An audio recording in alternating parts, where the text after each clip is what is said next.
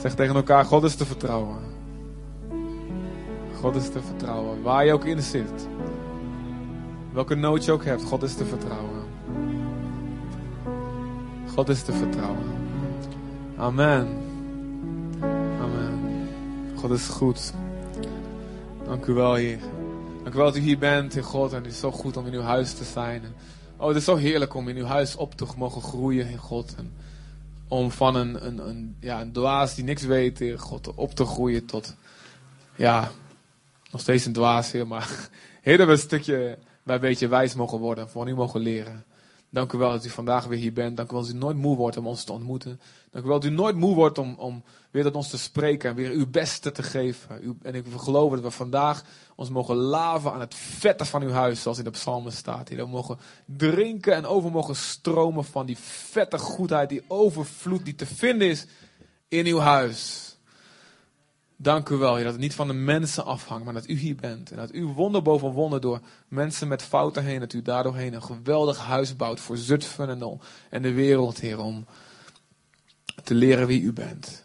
We zegenen Jezus naam het woord en we vertrouwen op u, Vader en God. Dat u ons een goed, vet woord gaat geven.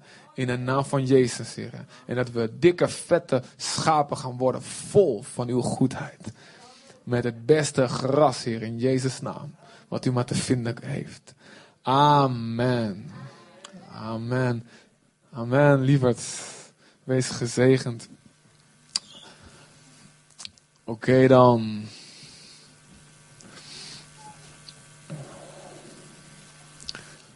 Oké. Oké dan. God is hier. En um, zeg even tegen jezelf, ik ben klaar voor het woord van God. Heer, schud mij. Rammel mij door elkaar. En maak mij nieuw. In Jezus' naam. Amen. Amen. Oeh, ik heb zin om jullie nog veel meer dingen te laten proclameren. Maar wat de hele preek. Het is goed soms om dingen gewoon even tegen jezelf te zeggen. En zeggen, ik ben klaar voor God, kom maar, weet je wel. Alhoewel je natuurlijk nooit klaar bent ervoor. Maar God die geeft ons precies wat we aan kunnen. Um, ik heb een woord voor jullie uit Genesis 4. En um, ik had er al mee gedreigd dat we um, het Oude Testament, niet het hele Oude Testament, maar een heel stuk. La, laat hem maar eventjes, eventjes weg, uh, Rick, dankjewel. Hij is zo snel, die jongen, dat is te gek. heel goed, heel goed. Goede eigenschap. Ik had er al mee gedreigd dat we, dat we het Oude Testament af en toe door zullen gaan. Ik beloof niet elke week. Maar uh, dat we door zullen gaan en te kijken naar de, naar de karakter van God, het hart van God. En ook het karakter van Jezus al door het Oude Testament ook heen. Om te zien, eigenlijk door de Bijbel heen, wie hij is. Het is soms goed om te preken, en hebben we tot nu toe heel veel gedaan uh, aan de hand van een onderwerp. Van hey, we gaan het hebben over uh, dit onderwerp en dan haal je daar Bijbelteksten bij. En het is goed, en dat zullen we ook, af, zullen ook zeker blijven doen. Maar soms is het ook goed om gewoon een Bijbelgedeelte te nemen en te kijken wat staat daar allemaal in, wat wil God daar doorheen zeggen. Ook in het geloof van God heeft die dingen in die volgorde en, die, ja, die, die principes die je daar vindt in één pakket en één verhaal samengebracht. En om te kijken, oké, dit kunnen we er allemaal uithalen. En um, daar, bidden we natuurlijk ook voor, van moeten we dat nou doen? En ik voel echt, we moeten dit gaan doen. En uh, vandaag gaan we het hebben over Kain en Abel. Wie kent Kain en Abel? Nou, dan ben je heel oud, want het is heel lang geleden. En dan heb je ook de zondvloed onverleefd, dat heeft heel knap van je. maar ik, flauw. het verhaal van Kain en Abel bedoel ik natuurlijk. Uh, het verhaal van de eerste twee kinderen van Adam en Eva, waarvan de een de ander doodsloeg. Heel tragisch natuurlijk. Even tussendoor, voor ik begin. Um, de Bijbelschool is begonnen. De Bijbelschool die wij. Um, ja, die eigenlijk ook onze Bijbelschool is. Je merkt het niet zo goed omdat het niet hier is. Het is in Aalten. Maar eigenlijk is het ook onze Bijbelschool. In, uh, die in Aalten plaatsvindt. Uh, Wilkin heeft de eerste avond gestart. We hebben dus, voor wie niet weet, we hebben twee zustergemeentes. Dat is de Christengemeente Doetinchem en de Euregio Christengemeente Aalten. We, ja, we, zijn ook, ja, we zijn vanuit Aalten ontstaan als gemeente. En Doetinchem ook. Um, en daar trekken we veel samen mee op. Zit ook in de regio hier. En af en toe doen we dingen samen. En een van die dingen is die Bijbelschool. En Feiko, mijn collega, voorganger Doetinchem, die leidt die school geestelijk en praktisch. En het is heel goed. Ze zijn al begonnen um, met de eerste module, de eerste avond. Maar je kunt nog steeds uh, je aanmelden. Je kunt nog steeds meedoen. En als je zegt, het kost een beetje geld. Het ligt als goed is folders in de hal. Uh, maar als je zegt, ik heb geen geld, ik wil er toch bij zijn. Dan kun je meehelpen. En dan mag je gratis erbij zitten. Dus dat meehelpen in de zin van koffie inschenken of helpen schoon de wc schoonmaken. Um, als je dat wil, dan uh, staat, staat op de, ja, de folder staat genoeg informatie. Anders moet je even contact opnemen met Feiko Rijtsema van de Christelijke Gemeente Doetinchem. Echt aan te bevelen, een heel jaar lang op woensdagavond Bijbelschool. We zijn ook begonnen met de fundamentencursus. Ik moet niet zeggen fundamentalisten. Dat klinkt weer heel anders. Het is van Sari en Hans en heel veel van de, van de dopelingen zitten daar ook bij. Zijn dat goede avonden een beetje? Wie was erbij? Is dat goed? Hey. je kunt daar ook instromen. Je kunt elk moment daar instromen. Je krijgt een heel cool boekje. Als je wil weten over de basis van het geloof. Um, dat is uh, op de maandag, dinsdag. Dinsdagavond. Oké, genoeg reclame.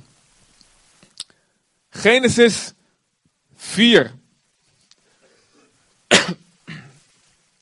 De mens Adam had gemeenschap met Eva, zijn vrouw. En ze werd zwanger en bracht Kain ter wereld. En het woord Kain betekent uh, bezitting. Dus je moet je voorstellen, de eerste geboorte ooit. De eerste geboorte ooit.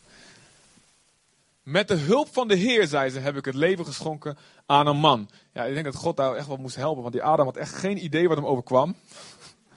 Eerst dacht hij, wat gebeurt er met de buik van mijn vrouw? Wat is dit nou weer? En dan dacht hij, nou, dat duurt wel erg lang, negen maanden. ik weet niet of de zwangerschap toen ook langer duurde, want de mensen werden ook duizend jaar oud. Misschien was Eva wel drie jaar zwanger of zo. Weet ik niet. ik hoop het niet, maar ja, weet je, weet je. En, en die, dus ja, met de hulp van hem moest wel, want die Adam dacht echt, wat gebeurt hier toch, weet je. En die, in één keer begint je vrouw te schreeuwen en, te, en wat gebeurt Allemaal bloed en dingen. Want die buik die zat al eerst te bewegen en dan dacht hij van, heeft ze soms die slang opgegeten? Maar het kwam dus een de eerste geboorte van de, van de, van de geschiedenis ooit. Kain werd geboren. Later bracht ze zijn broer ter wereld, Abel. En Abel betekent een ademtocht. Abel werd herder. Kain werd landbouwer. Je moet weten dat ze dus uit de Hof van Eden werden gestuurd. Um, heel interessant. Ik heb een beetje studie gedaan. Ik dacht altijd dat hij in Irak lag. Maar um, ik ben tot nu toe, ik ben niet helemaal ermee klaar. Maar tot nu toe ben ik wat me tot nu toe het meest heeft kunnen overtuigen, is dat het in Egypte lag. Goed voor, daar kom klets maar later een keertje over. We gaan allemaal radertjes draaien bij jullie. Maar ze werden dus uit de Hof van Eden gestuurd. En uh, daar, ja, ze moesten dus aan het werk. Dus had God al tegen Adam gezegd: vanaf nu moet je werken voor je eten. Want het land waar je nu naartoe gaat, en hoe de aarde vanaf, vanaf nu vervloekt zijn, je moet gaan werken. Wil je oogst krijgen uit je grond. Abel werd herder. Kain werd landbouwer.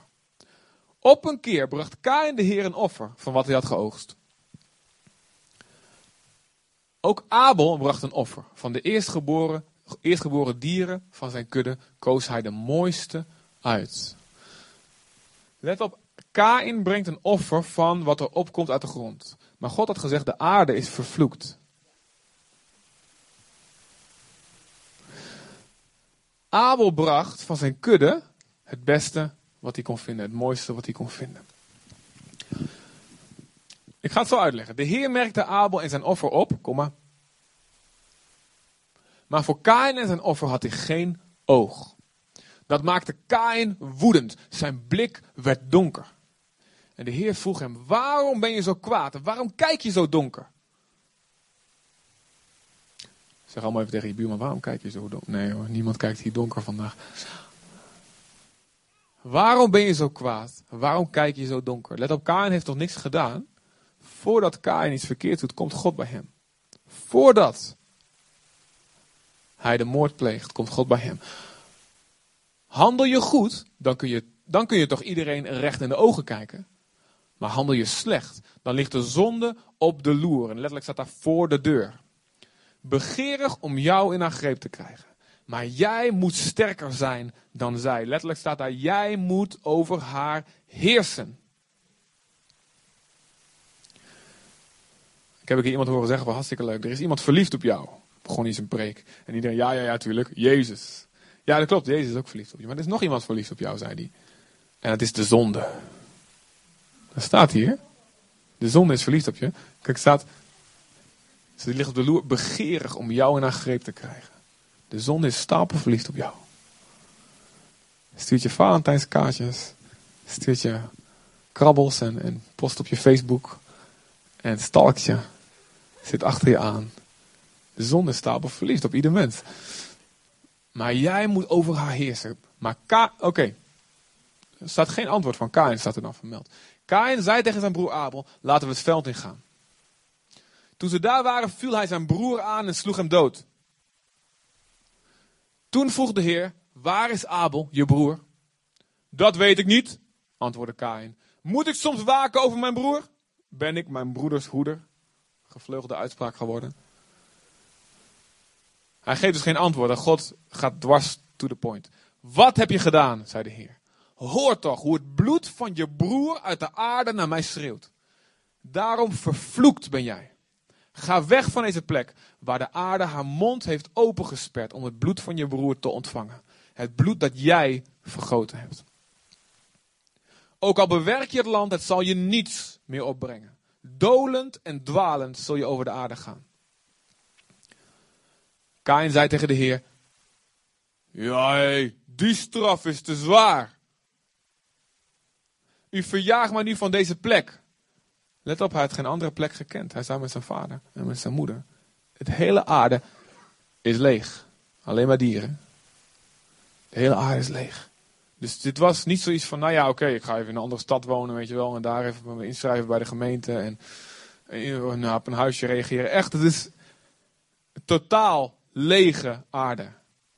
Niks anders bekend. U verjaagt mij nu van deze plek. En ik mag u niet meer onder ogen komen. En als ik dan dolend en dwalend over de aarde moet gaan, kan iedereen die mij tegenkomt mij doden. Uit wraak. Maar de Heer beloofde hem, als iemand jou doodt, zal het zevenmaal aan hem worden gebroken. En hij merkte Kain met een teken. Niemand weet wat dat teken is, staat er niet wat het is. Heel veel speculaties over geweest, maar het is niet, niet belangrijk. Hij merkte Kain met een teken, opdat niemand die hem tegenkwam hem zou doodslaan. Toen ging Kain bij de Heer vandaan en hij vestigde zich in Not, een land ten oosten van Eden. Not, dat kan je vertalen met dolen of dwalen, ronddwalen. Oké, heftig. Heel heftig. Eva kreeg een kind. En Eva had een belofte van God gekregen. De, en daar de vorige keer over gehad toen we uit Genesis spraken. Eva had een belofte gekregen van God. Eén van jouw nakomelingen zal de kop van de slang, zal de kop van Satan gaan vertrappen. Eén van jouw nakomelingen zal ervoor zorgen dat al die ellende die hier aangericht is door de zonde, weer ten einde zal komen. En dat werd bedoeld op Jezus, die uiteindelijk als nakomeling van alleen een vrouw, niet van een man. En van God natuurlijk. De kop van de slang zal vermorselen. De kracht van de zonde zal verbreken aan het kruis. Maar Eva wist natuurlijk niet wie dat zou zijn. Ze wisten niet, niet dat er allemaal nog jarenlang allemaal profetieën zouden komen. En, en, en psalmen en Jezaja en al die. Dus ze dacht, misschien is dit, is dit mijn eerste kind. Misschien is dat het beloofde zaad. Misschien gaat... misschien is Kain de verlosser. Wist, wist zij veel? En dan groeien ze op en... Moet je voorstellen, er is niemand, er is niemand anders dan jij en je broertje. Hè? Dus uh, ik denk dat ze, ja, ja, ze hadden niet veel keuze naar welke school ze moesten. Er werd gewoon thuisonderwijs. En maar dan gaat ze gaan allebei hun eigen wegen. De een die werd landbouwer en de ander werd herder. En op een of andere manier groeien ze daar dus uit elkaar. Er staat niet heel veel van omschreven. Je moet het een beetje zelf je gedachten invullen. Maar ze groeien waarschijnlijk uit elkaar. De een gaat dit doen, de ander gaat dat doen. Ze zien elkaar niet meer de hele dag. Wie weet hoe ze met elkaar omgingen. Wie weet hoe die relatie daarvoor al was. Ik denk niet dat zoiets zomaar uit de lucht komt vallen. En dan gaan ze allebei gaan ze God een offer brengen. Ik bedoel, ja, het is, ik denk, niet, denk dat het vrij moeilijk is om te, zeggen, ehm, om te zeggen tegen je ouders: Ik wil niet meer naar de kerk gaan. Ik geloof niet meer in God. Als je vader geen navel heeft. Toch? Ja. ja, toch? Had Adam een navel? Denk ik niet. Voel allemaal even aan je navel. Adam had hem niet. Waar komt hij vandaan? Ik denk dat hij hem niet had, toch? Ja, toch? Wie denkt dat Adam wel een navel had? Gaan we even een theologische discussie wel even aan straks na de dienst. Ja, ik ga, eventje, ik ga je aanpakken. Kom maar, jongen. Kan je Hebreeuws? Ik win. ik kan ook geen Hebreeuws. maar ik bedoel, ja. Dus ze offeren allebei aan God. Ze geloven allebei in God. Logisch, er is niemand anders op de hele aarde. En je vader vertelt echt met zijn grote onschuldige ogen. God heeft mij gemaakt. Ik was erbij.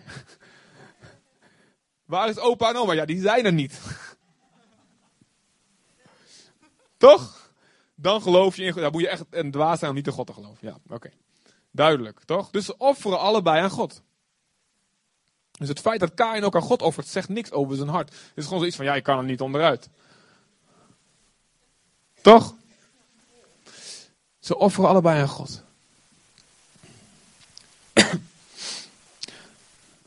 Waarom? Waarom? Het eerste wat ik naar wil kijken is: waarom kijkt God naar Abels offer en niet naar Kains offer? Waarom slaat hij geen acht op Kains offer en wel op die van Abel? Ik zei dus net, ja, de, opbrengst van de aarde was vervloekt. Maar toen God Adam en Eva, dus hun ouders uit de tuin stuurde, toen hebben Adam en Eva, die hadden eerst een eigen bedekking geplukt van de, van de bomen, bladeren, om de boel een beetje hier te bedekken.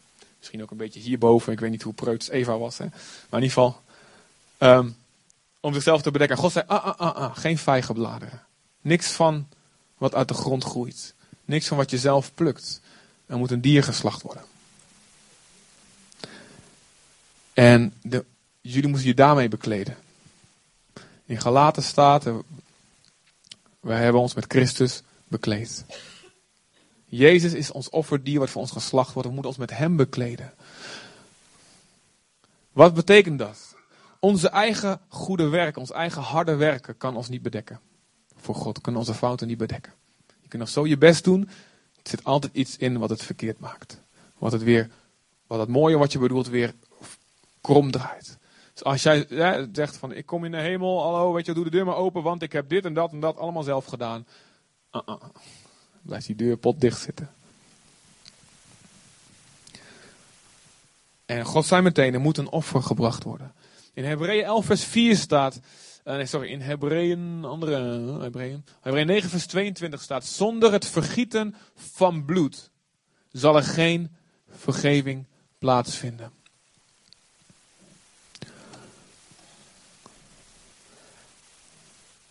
Er moet, er, moet een genoegdoening plaatsvinden voor wat wij anderen aangedaan hebben. En straks, we gaan, we gaan zo kijken naar het bloed van Abel wat roept vanaf de grond. En daarin zie je dat, nou ik zal het nu vast alvast zeggen. Het, als iemand iets aangedaan wordt, als wij zondigen, wij doen, dan doen wij anderen daarmee iets aan. Doen we God daarmee iets aan. En dat zorgt ervoor dat er iets doodgaat in de ander. Onze zonde zorgt ervoor dat iets doodgaat in de ander. Als wij het beeld van God uitstralen, begint er iets te leven in de ander. Geven we leven door. Maar als wij het beeld van een slang doorgeven, dan gaat er iets dood, niet alleen in onszelf, maar ook in anderen. Zowel door actief als passieve zonde.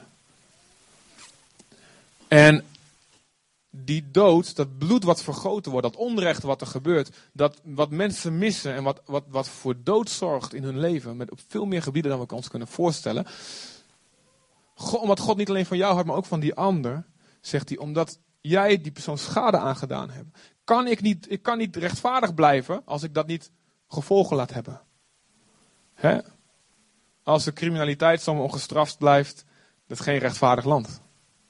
Er moet iemand gestraft worden. En dan kijken we niet alleen naar de dader van, nou ja, ja, hij moet eh, gestraft worden zodat hij het leert. Nee, we moeten ook kijken naar het slachtoffer. Ah, we moeten ook kijken naar het slachtoffer. En, en die zegt, er moet, er recht gebeuren. Er moet wraak moeten zijn. Als iemand mijn kinderen doodt of iets aandoet, dan heb ik zoiets van, ja, met één jaar gevangenisstraf, zeg kom op hé. En dit is wat God laat zien. Dus er moet wraak zijn. Er moet rechtvaardigheid zijn. En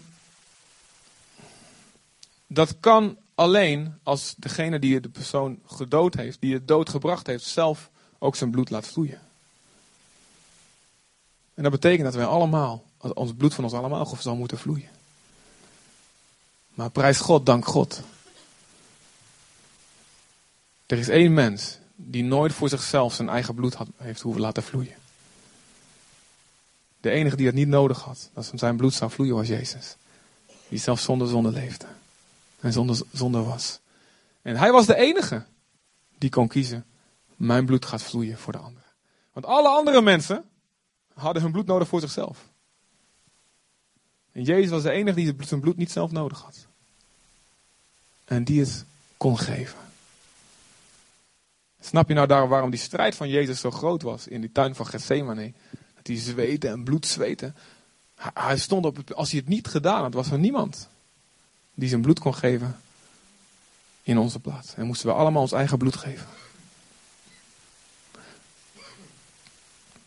Dit is de reden. En, en, en Abel begreep dat.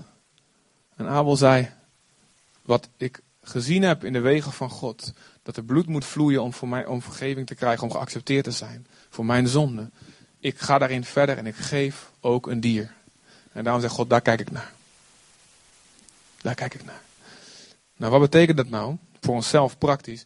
Als jij bij God komt en zegt, God, u moet naar me luisteren, u moet mij geven wat ik nodig heb, u moet mijn gebed verhoren, want ik heb dit gedaan, ik geef aan de armen en ik zorg voor mijn oma en ik ben lief en ik ga aan de kerk en ik ben dit en ik ben zo heilig en ik ben zo geweldig. Dan zegt God.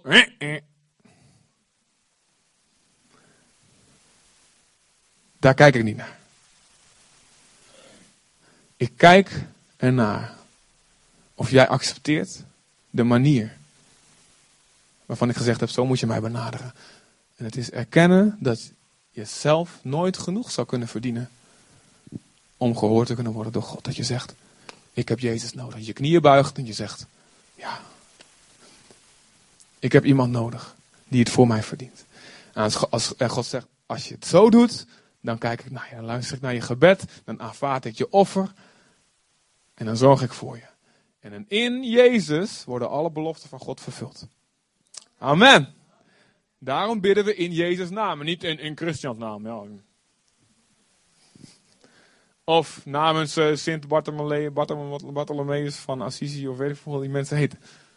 Op voorspraak van wie dan ook. Die heeft niet zijn bloed gegeven. Die heeft niet recht wat Jezus heeft. Dan bidden we alleen in Jezus' naam. En in hem krijgen we alles. Want alle beloften van God zijn in Jezus ja en amen staat er. Alles. Amen. Dus daarom kijk ik naar het offer van Abel. En het hart van Kain was daarin ook niet goed. Hij zegt, doe het op mijn eigen manier. In Spreuken 5, 15 vers 8 staat, het offer van de goddeloze is een gruwel. Zelfs het gebed van mensen, mensen die kunnen mooi bidden, maar het kan een gruwel zijn voor God. op een gegeven moment zegt God in de Bijbel, oh jongens, alsjeblieft, houd toch eens op, doe er alsjeblieft die, die, gitaren en die snaren van mij weg. was er maar iemand die de deuren van de tempel dicht deed. Jullie hart is niet goed. En zo is Kain was religieus bezig en een offer. Maar zijn hart was niet gericht op God. Dus dit laat zien dat het maakt uit hoe we God dienen. De manier waarop maakt wel uit. Belangrijkste wat ik zeg, we moeten het doen in Jezus. Maar dat kun je ook wat breder trekken. Je kunt niet zeggen, weet je wel, ik, ben, ik geloof, ik ben christen, maar ik doe het lekker op mijn eigen manier. Weet je, ik geloof in Jezus, maar ik doe dat zonder de kerk. Een veel, hele populaire term tegenwoordig. Ik weet niet of het vroeger ook zo was, vast wel, maar. Ik doe het zonder de kerk. Ik doe het lekker zelf. En God snapt misschien wel waarom. Je hebt misschien heel veel meegemaakt. Hij begrijpt dat. Hij snapt dat. Je kunt daar met hem zeker over praten. En zeker je hart daarin luchten. Maar het feit blijft, hij zegt: Kom, wees deel. Heb niet alleen mij lief, maar ook anderen. Je hebt het nodig. Dus het maakt uit de manier waarop je hem dient. Het maakt uit. We kunnen niet zeggen, nou, ik kan wel zonder het woord van God, weet je wel, ja. Ik geloof, maar ja, die Bijbel. Je kan niet zeggen, ik geloof, maar zonder liefde. Ik geloof, ik geloof, maar ja, zonder heilig leven. Ik maak er een beetje mijn eigen soepje van. Ik geloof, maar ja, zonder het werk van de Heilige Geest. En dat vind ik allemaal te eng. Misschien moet, misschien moet ik wel enge dingen gaan doen. En onvoorspelbare dingen. En, zo. En iets doen wat ik niet snap. Stel je voor, iets doen wat ik niet begrijp. Wat mijn verstand niet aan kan. En God zegt, hé, hey, vertrouw me. Maar doe het op mijn manier. Ik help je. Ik snap wat je niet snapt. Ik snap wat je eng vindt. Help ik je doorheen. Ik coach je helemaal door elke stap heen. Maar doe, ga niet zo trots zijn je zegt, je kan mij op je eigen manier benaderen. Doe het in geloof. Samen met mij.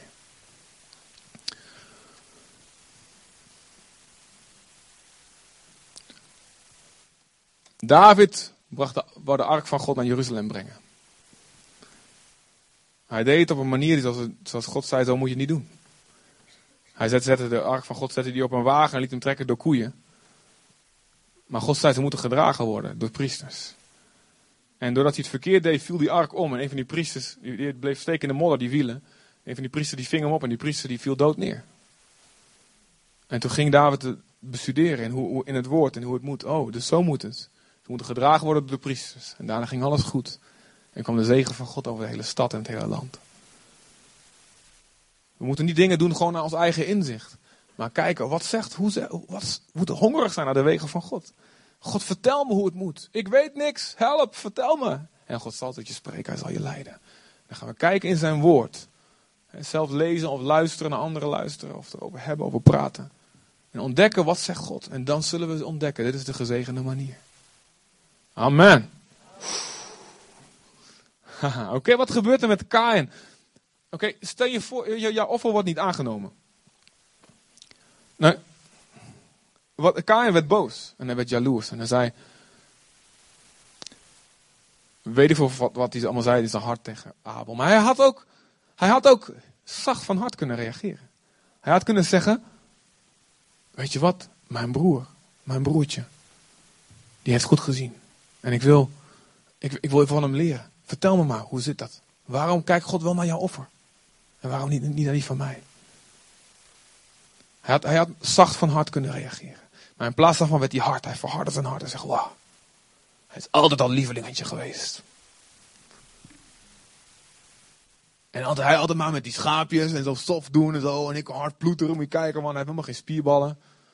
En ik een beetje werken in het land. Ik werk tenminste voor mijn geld. En hij zit alleen maar een beetje achter die schapen aan te rennen. Allemaal die gedachten die begonnen te groeien en te groeien en te groeien in hem. Luister, God had Kain bedoeld als grote broer om zijn broertje te beschermen.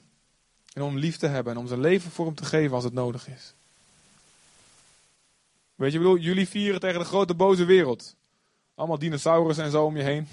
Ja. Heb je een grote broer nodig die je beschermt, toch?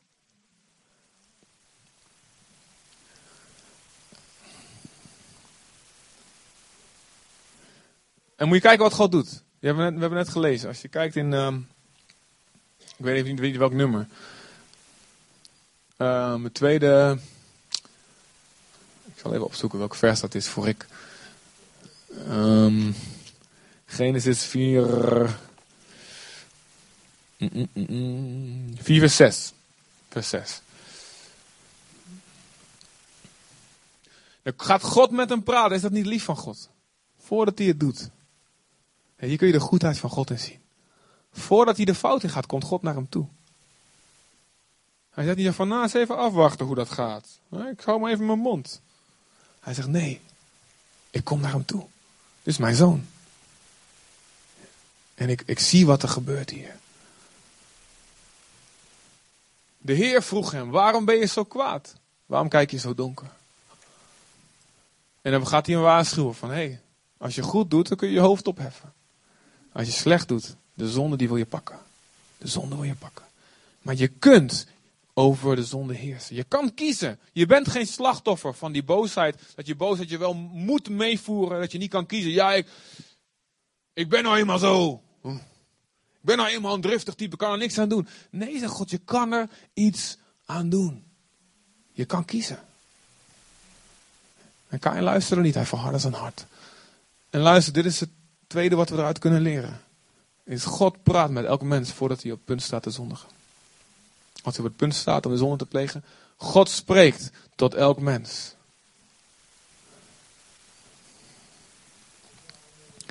Het verschil tussen een mens en een dier is, wij hebben een geweten. ik heb nooit een krokodil gezien die heel veel zo. Voordat hij op zo'n een of andere. Wat, wat eten die beesten krokodillen? Wat eten? Kikkers of zo. Wat eten ze? Eten krokodillen antilopes? Nou ja, beesten. Ik heb nooit een krokodil gezien die zegt van. Oh, ik weet niet of het wel ethisch verantwoord is of ik dit nou doe. Maar ja, ik moet het maar doen voor, om de populatie een beetje onder controle te houden. Dat soort dingen, denkt een krokodil. Die denkt gewoon, hop, ah, en dan daarna, als je nog een paar keer zo draaien, doet hij dat de krokodil. Oh. Kan mij nog regelen dat, ze, dat, de staat toe te kijken, weet je wel, hap, hap, hey, ah, lekker, hey, barbecue. Die krokodil heeft geen geweten, jij wel. Elk mens wel. En wij moeten altijd een rechtvaardiging vinden, een excuus, iets wat het goed praat, voordat we de zonde doen. Altijd. Dat gaat soms heel onbewust. Soms is het geen eens een bewuste gedachte, maar ergens. We moeten altijd een rechtvaardiging zoeken voordat we de zonde doen. Waarom kon Hitler de Joden niet meteen in een concentratiekamp gooien vanaf het begin? Het was nog niet in de ogen van het volk nog niet rechtvaardig. En iedereen zou in opstand komen. En Hitler die wist dat. Dus wat moest ik doen? Wat moet ik doen? Ik moet boekjes gaan uitgeven dat ze worden beschilderd als met gemene joden, met het haakneuzen en die al het hele wereld onder controle willen houden. En, die, en, en meer en meer dat opbouwen, demoniseren. En dan is het in de ogen, op een gegeven moment is het in de ogen van iedereen rechtvaardig als ik ze gewoon eens een beetje laat werken en dan een beetje opbouwen, laat ze eraan wennen en dan bam. We moeten een rechtvaardiging hebben voor de zonde. Het moet eens rechtvaardig worden voor ons. We moeten het aan onszelf vertellen dat het oké is, dat we er een goede reden voor hebben. Maar in dat gesprek mengt God zich. In de vorm van ons geweten. En God mengt zich in dat gesprek. En zegt, ja, waarom kijk je zo kwaad? Wat, wat zijn het voor gedachten wat je hebt? Vertel me, is het rechtvaardig dat je dit denkt? Ik wil een tekst laten zien. en die staat in. Mm, waar staat die? Adoe. Romeinen 2 vers 15. Ja. Romeinen 2 vers 15. Dat ik kan laten zien, Rick.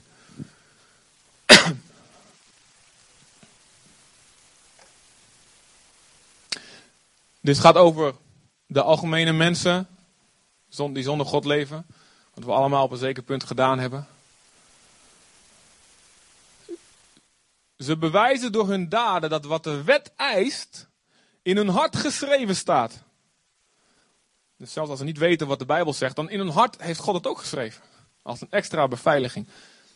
En hun geweten bevestigt dit. Omdat ze zichzelf met hun gedachten beschuldigen of vrijpleiten. Elk mens met zijn eigen gedachten en er staat in een andere vertaling, hun gedachten onderling beschuldigen elkaar of pleiten elkaar vrij. En in de volgende vers staat, gaat God op deze manier, uh, als je even 16 kan laten zien. Dit alles zal blijken op de dag waarop, volgens het evangelie dat ik verkondig, God door Christus Jezus oordeelt wat over, wat, wat, over wat er in de mens verborgen is. Dus al die dialogen die we onderling gehouden hebben, die zullen van verborgen naar de status openbaar komen te staan. Weet je, die privacy settings op je Facebook, weet je wel? Sommige gedachten, dialogen, sommige gesprekken hebben we op privé staan, ja toch? Dat moet niet, iedereen te weten. En God zegt, ik ga ze allemaal, die, al die privacy setting op openbaar zetten. De gedachten onderling. Waarom wij goed praten, waarom wij de zonde goed praten naar onszelf toe. Welke gedachten we daarvoor gebruiken. Sommige gedachten zullen je vrijpleiten. Want dan zal, zal, zal iedereen erachter komen, wat God al lang wist, dat je het niet wist bijvoorbeeld dat het verkeerd was. Dat je echt oprecht dacht, dit is het verkeerde. En die gedachten zal je vrijpleiten. Het dialoog op zijn schermpje, een hele chatsessie met jezelf. En met God die er tussendoor komt.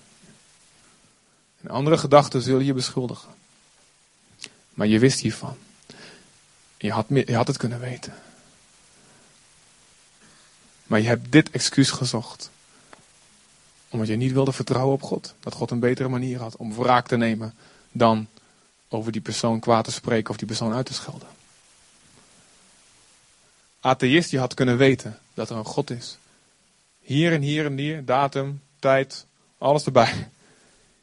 Op dit moment kwam tot jou het besef, er moet een God zijn. Dit is allemaal te, dit is allemaal te groot. Dit is allemaal, maar ja, dan moet ik gaan veranderen. Dat betekent niet meer kan doen wat ik wil. En, en hier ben je op zoek gegaan naar een reden om niet te hoeven geloven.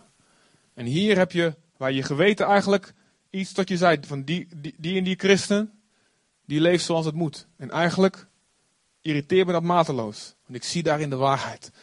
Maar toen ben je voor jezelf gaan zoeken naar een andere christen, die er allemaal een potje van maakt. En heb je dat als excuus gebruikt. Ha, zie je wel, allemaal hypocrieten. Het is allemaal niks van waar. Zodat jij een uitvlucht had, maar je had het kunnen weten. En al die gedachten. Dit is hoe God de wereld zal oordelen. Romeinen 2, vers 15 en 16. De gedachten van een mens, de innerlijke dialoog, onderling, beschuldigen elkaar of pleiten, of pleiten jou vrij. Hoe praat je met God? En staat in 1 Timotheus 2, vers. Of 1 Timotheus 4, vers 2. Er staat dat ons geweten gebrandmerkt kan zijn. En het woord, dat is hetzelfde woord als wat gebruikt wordt voor. Uh, ik weet even die cauterisatie volgens mij. Dat is een medische term. Dat is zo. Sorry, Carlino. Dat je dus een stuk vlees zo verschroeit dat het af, helemaal afsterft. Ja, dat kun je soms, dat deden ze vroeger soms. Omdat ze dachten van dat het is eh, goed om uh, bepaalde uh, kanker of een tumor of zo weg te schroeien. Zodat zo ongevoelig wordt dat het afsterft. Dat kan gebeuren met je geweten. Dat je zo vaak die stem van God hebt, het zwijgen hebt opgelegd. Dat je niet meer luistert, dat je niet meer gevoelig bent. Dat je automatisch al gewoon doorgaat met wat je wilde gaan doen. En wat God wil is dat we het eelt van ons geweten afkrabben. Laten we allemaal maar zeggen, Heer, krab het eelt van mijn geweten. En maak me gevoelig voor uw stem. Luister naar wat God tot zegt. Vlak voor je oneerlijk wil zijn en wil gaan liegen. Vlak voor je iets oneerlijks wil gaan doen en wil gaan stelen. Vlak voor je over iemand wil spreken op een manier zoals God niet over hem of haar zal spreken. Vlak voor je die porno wil gaan kijken, of die muziek, of die film wil gaan luisteren. Van, uh, we denken, dit eigenlijk niet goed. Vlak voor je een relatie aangaat waarvan je weet, dit is geen goede relatie. Dit gaat me verder van God afbrengen. Luister naar de stem van God. Je kent allemaal mijn verhaal, denk ik wel, tenminste die hier langer zitten. He, dat op een gegeven moment toen ik God leerde kennen, toen wilde ik wel graag naar de discotheek toe.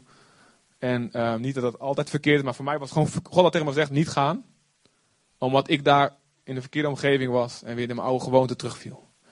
En dat ik op onderweg daar naartoe, ik wou gewoon gaan. Ik ga gewoon, weet je wel, ik niks, ga niks verkeerd doen. En dat God zei, niet doen. En ik letterlijk zo. Weg met die stem, weg met die stem, weg met die stem. Op de fiets, ik ben heel goed. Ik ben precies waar ik fietste. Weg! Stil, God! Stil! En de genade van God was dat ik de ellendigste avond van mijn leven had. En ik in één keer met andere ogen zag. En, en ik daarna wist van, nu ga ik naar die stem luisteren. Maar als je, zo, heel vaak zo doet, stil God! Dan hoef je het minder steeds minder te doen. Snap je? Wat ik bedoel? Heer, krab het eelt van ons geweten. Maak ons bewust van uw aanwezigheid altijd. Wat we spreken, wat we doen, wie we zijn. Dus wat Kain deed dit. Weg. Weg met de schepper van mijn vader.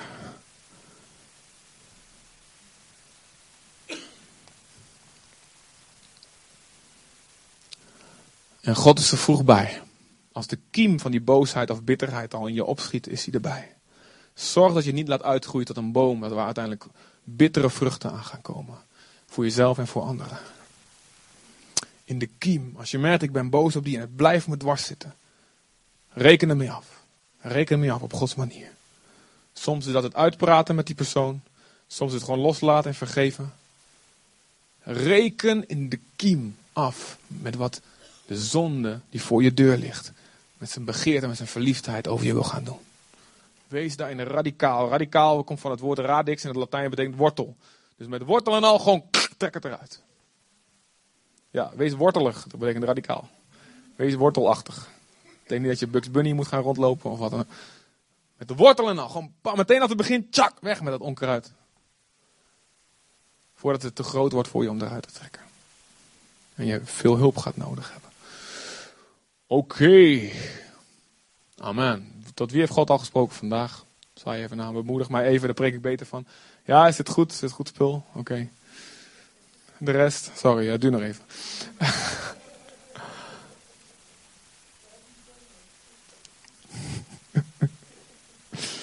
En dan komt God na die tijd naar hem toe. Waar is je broer?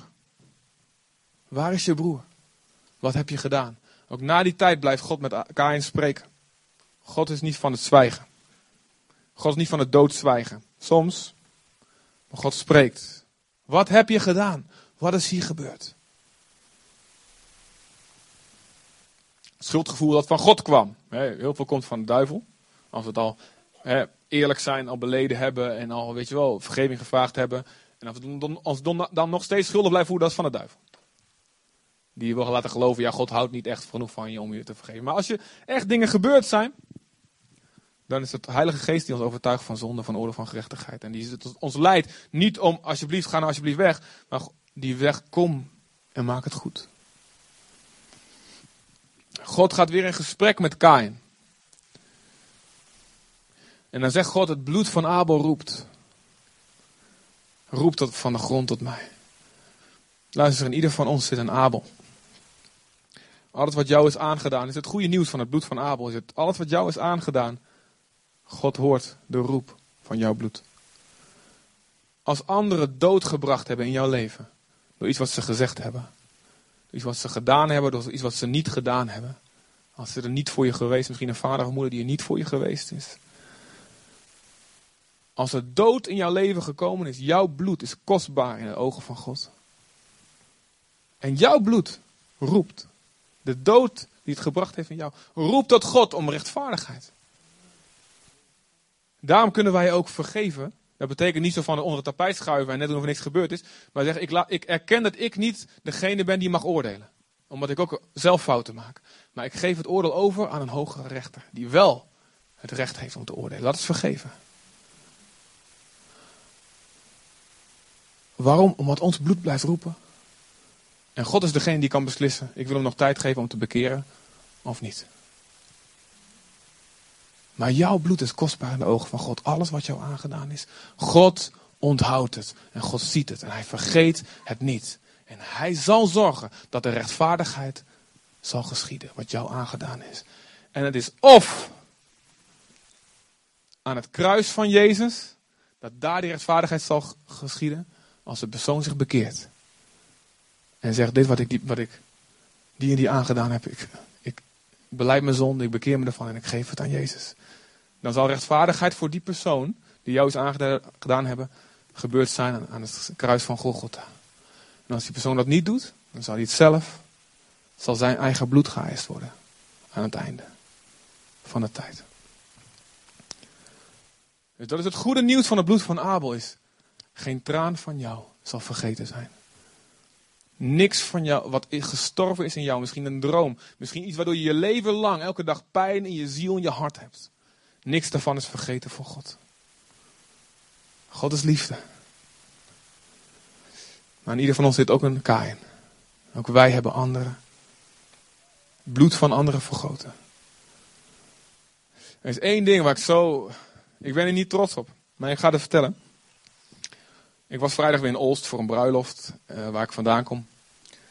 En uh, nou ja, niet heel spectaculair dorp. Het viel me op hoe klein het eigenlijk is. Vroeger toen ik kind was, was het een hartstikke groot dorp. Ik heb gewoon van de markt naar mijn huis gelopen. En ik dacht van, man, dat is een kort stukje. en, maar er is één ding wat ik, wat, ja, en als je het hoort, denk je misschien van, dat is, was dat, was dat voor? Ja, dat is zo onbelangrijk. Maar dit, dit is iets wat van ik, is één ding wat ik niet, niet terug kan draaien. Een voorbeeld van iets wat ik niet terug kan draaien. er was een meisje stapelgek op mij. En dat, ja, ik snap, denk ik natuurlijk, ja, hoe kan dat nou? Maar ja, dat. Wonderen gebeurden toen ook al. Halleluja, dank u Heer. Oh, ik was een jaar of 15 of zo. En er was een meisje dat stapelgek op mij. En, en, maar ik zag, ja, ik zag het eigenlijk, ik zag het niet zitten. En we gingen daar elke avond, elke week, een paar keer per week, gingen we daar uh, in het, uh, het Olde Postkantoor, heette dat heel erg trendy plek. Echt heel cool.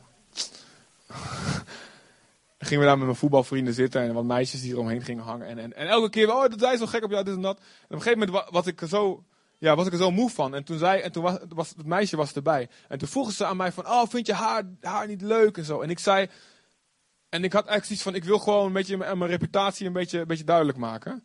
Ik zei, echt niet, echt niet, zei ik. Vind echt niet leuk? En ik weet dat dat blik in de ogen van dat meisje stond in de hoek.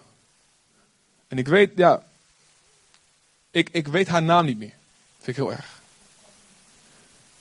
Um, en daarna ben ik het, ik ben het daarna vrij snel vergeten. Ik heb haar daarna ook niet veel meer gezien. Ik weet niet wat van haar geworden is. Maar ik weet dat ik haar enorm veel pijn gedaan heb. En dan kun je zeggen, ah ja, weet je wel, tiener, liefde en wat dan ook. Ik weet het niet. Ik zag in haar iets. En achteraf, als ik met, met de ogen van nu terugkijk, zag ik in haar iets wat misschien wel heel, dat heel erg op het randje leefde. En dat is, heel, eigenlijk, dat is heel slecht over zichzelf dacht.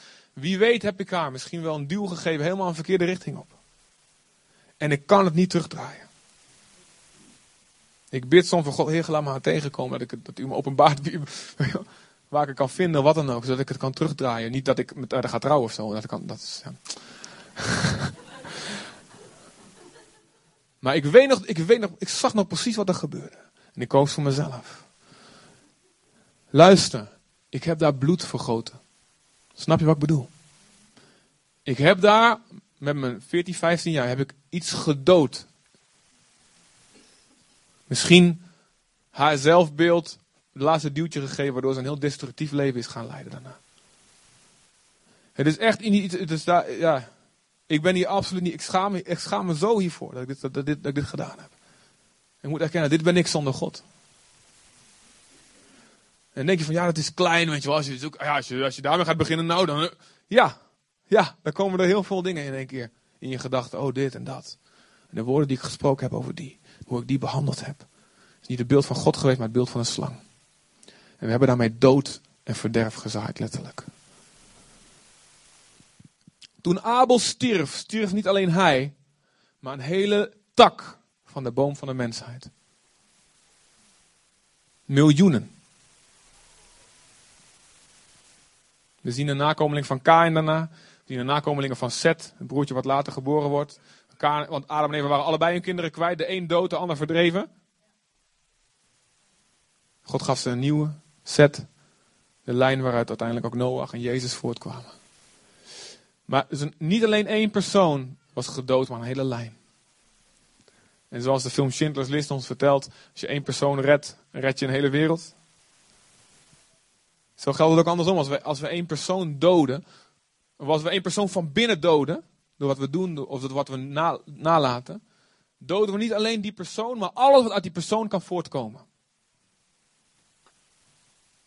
Alle vruchten die die persoon kan dragen, alle zegen die die persoon kan brengen. Misschien hebben we met onze woorden niet letterlijk een persoon, misschien hebben we niet nooit letterlijk een persoon gedood, maar hebben we wel met onze woorden, onze daden of onze nalaten een persoon zo van binnen kapot gemaakt.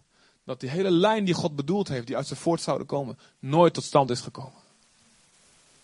En God zegt: het bloed roept van de aarde.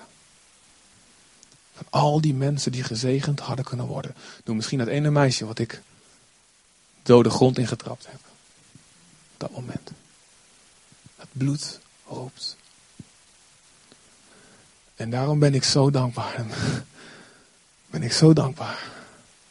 Voor het kruis van Jezus. Want er staat in. In Hebreeën, ik heb hem. Wacht, ik moet even opzoeken, want ik heb hem niet opgeschreven.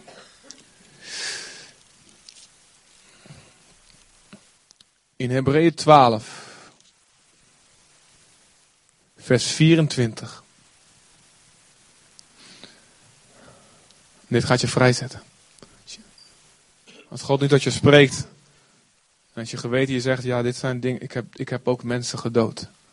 Ik heb ook hele lijnen gedood. Met mijn woorden, mijn daden of mijn nalaten. Dit gaat je vrijzetten. Want die staat, wij zijn gekomen tot Jezus, de middelaar van een nieuw verbond. En tot zijn bloed, het bloed der besprenging, het bloed wat ons besprengt. Zijn bloed, dat krachtiger spreekt dan wie? Dan wie? Het bloed van Jezus is krachtiger dan, spreekt krachtiger. De roep die eruit gaat van zijn bloed, dat voor mijn plaats vergroot is. Overstemt de roep om wraak. Overstemt de roep om genoegdoening. En om terugbetaling. En ik ben zo blij. Voor het bloed van Jezus. Wie is er met mij blij voor het bloed van Jezus?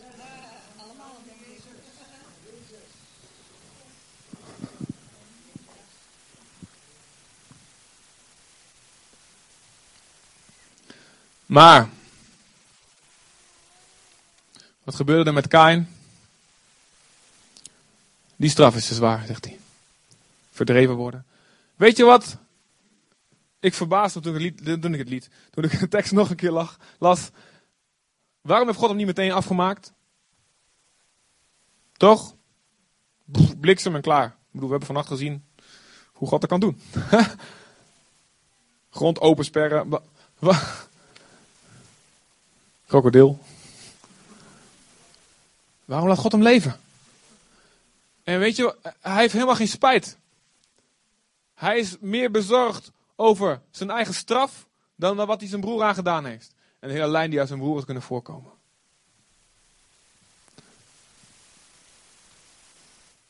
En ik zeg je, als jij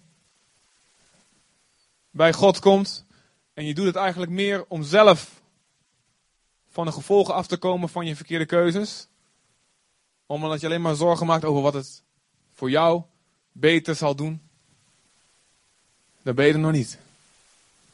Echt goddelijk berouw, goddelijke spijt, is dat je niet meer gericht bent op jezelf. Maar dat je voelt wat je God en anderen aangedaan hebt. Kain had het niet. Ja, hey, moet ik weg? Onrechtvaardig zo en zo. En dan beschermt God hem ook nog. Hij zegt, ja, Kain zegt, iedereen kan hem mij doden. En God zegt, nee, ik geef jou een teken, zodat niemand je zal aanraken. Ik zal zorgen dat je niet gedood zal worden. Dus iedereen die Kain daar nog tegenkwam, die zag misschien een hele groot kruis op zijn hoofd, weet ik niet. Oeh, daar heb je hem. Moet van hem afblijven, maar kijk.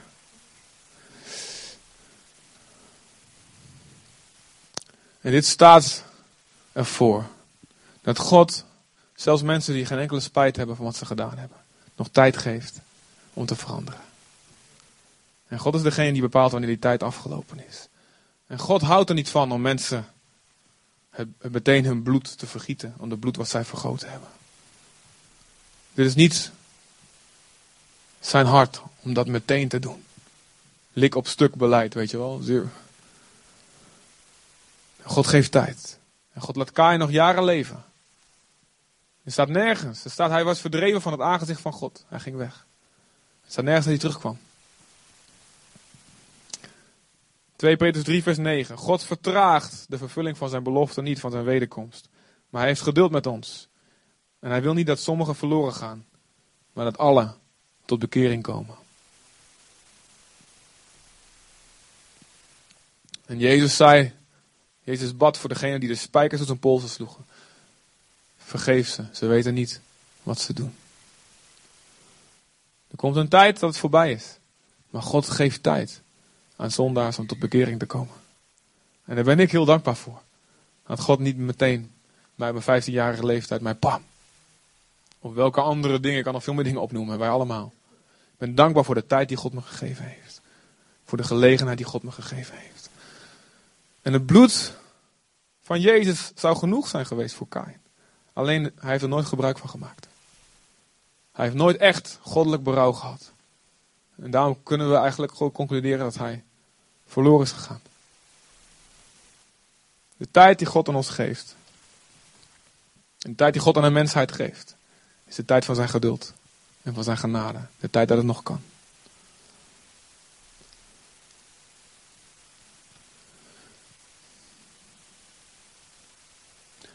De goedheid van God heeft de bedoeling je tot bekering te brengen. Romeinen 2, vers 2. De goedheid van God. God gaf Kain genade en bescherming. Niet omdat hij zegt van goed bezig jongen. Dood er nog maar een paar. Maar om hem te beschermen. En God beschermt de mensen in de wereld. Slechte mensen. Zoals jij en ik. Zodat ze tot bekering gaan komen. Laten we ook zo kijken. Ten eerste voor, naar onszelf. Als de dingen niet goed zijn, dingen in orde moeten maken, laten we het meteen doen. Je weet niet hoe lang je nog hebt. Je weet het niet. Ren, jongen. Als je dingen niet in orde